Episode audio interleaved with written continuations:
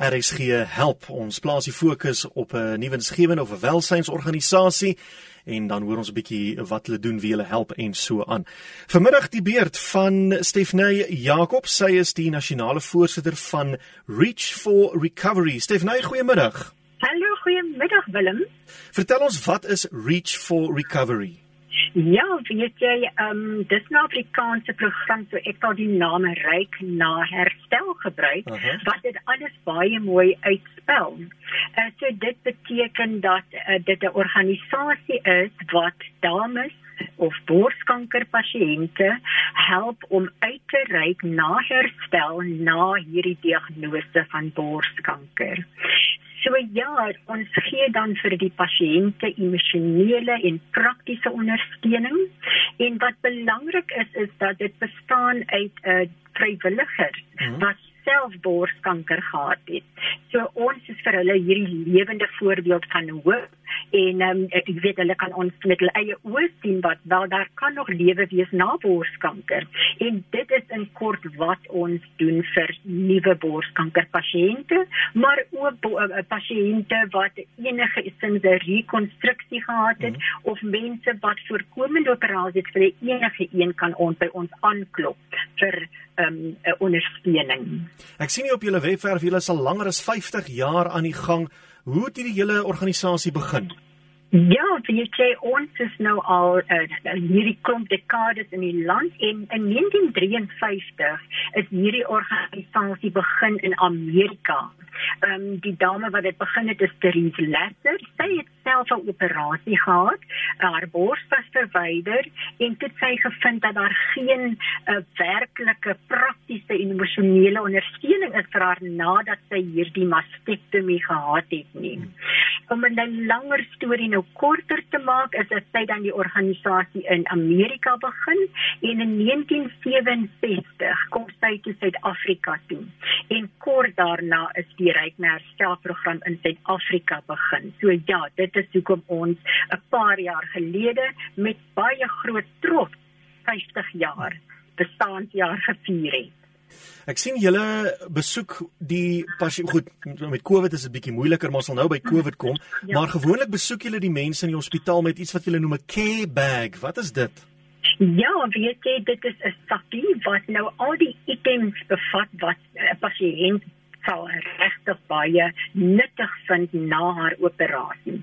Daarin sal sy behalwe inligting, daar is inligting oor chemoterapie, oor rekonstruksie, oor 'n uh, uh, um jy weet like intimiteit en baie inligting is daar in daai sakkie ook vir haar ietsie wat 'n tydelike protese is. So as haar bors verwyder is, dan is dit so 'n softie noem ons dit, so sy kan dit gebruik om weer gebalanseerd te lyk. In die sakkie is uh, in in die care bag en dan ook 'n uh, 'n sakkie wat sy oor haar arm kan gooi en ten minste in haar hand kan hou om hierdie portebag drein wat jy gewoonlik in die hmm. hospitaal kry in te dra. Ja. En ja, so en dit dit is al die nuttige goed wat daarin is. Daar's ook 'n oulike kussentjie in wat sommer so vir gerief en gemak onder die arm is van dit kan nog al bietjie seer wees uh, aanvanklik. So dit word amper so 'n troosdingetjie, so 'n teddybeertjie. ek het myne vir baie lank gehou. maar COVID het nou gekom en is tans nog met ons. Dit het julle werksaamhede so bietjie geknielter. Hoe ja. gaan julle nou te werk as julle nie pasiënte in die hospitaal mag besoek nie? Ja, weet jy dit is nogal vir ons uh, uh, uh, ons was nogal gerattel. Verskoon my, ek weet nie wat die hmm. Afrikaanse woord vir rattel nie, maar ons het baie gerattel gewees in baie ander lande in die wêreld. Is hierdie model van van 'n uh, pasiënte ondersteun lank reeds aanlyn en telefonies jy weet ja. maar vir ons in Suid-Afrika ons is van die min lande wat nog pasiënte fisies in die hospitaal besoek deur hierdie van aangesig face to face 'n uh, uh, uh, besoek.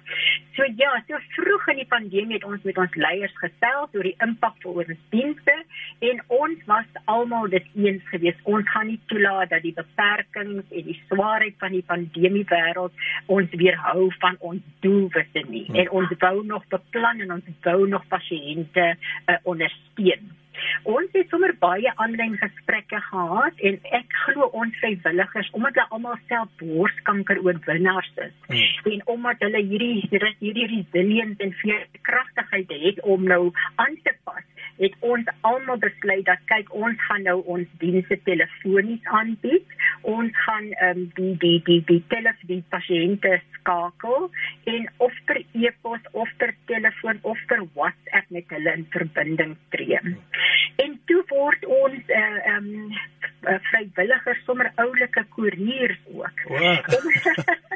Omdat ons nou nie self meer die pas die, die pasiënte kon besoek met daardie care bag wat jy van gepraat het nie, ja. het ons nou vindingryke maniere gevind om like dit te gaan aflewer by die hospitaal of ehm um, jy weet sommer like ehm um, 'n seker te maak dat die pasiënt daai sakkie ook kry. Ehm um, ja, want weet jy daai sakkie as jy hom kry in die hospitaal, dit sit regtig 'n glimlag op jou gesig, hoor.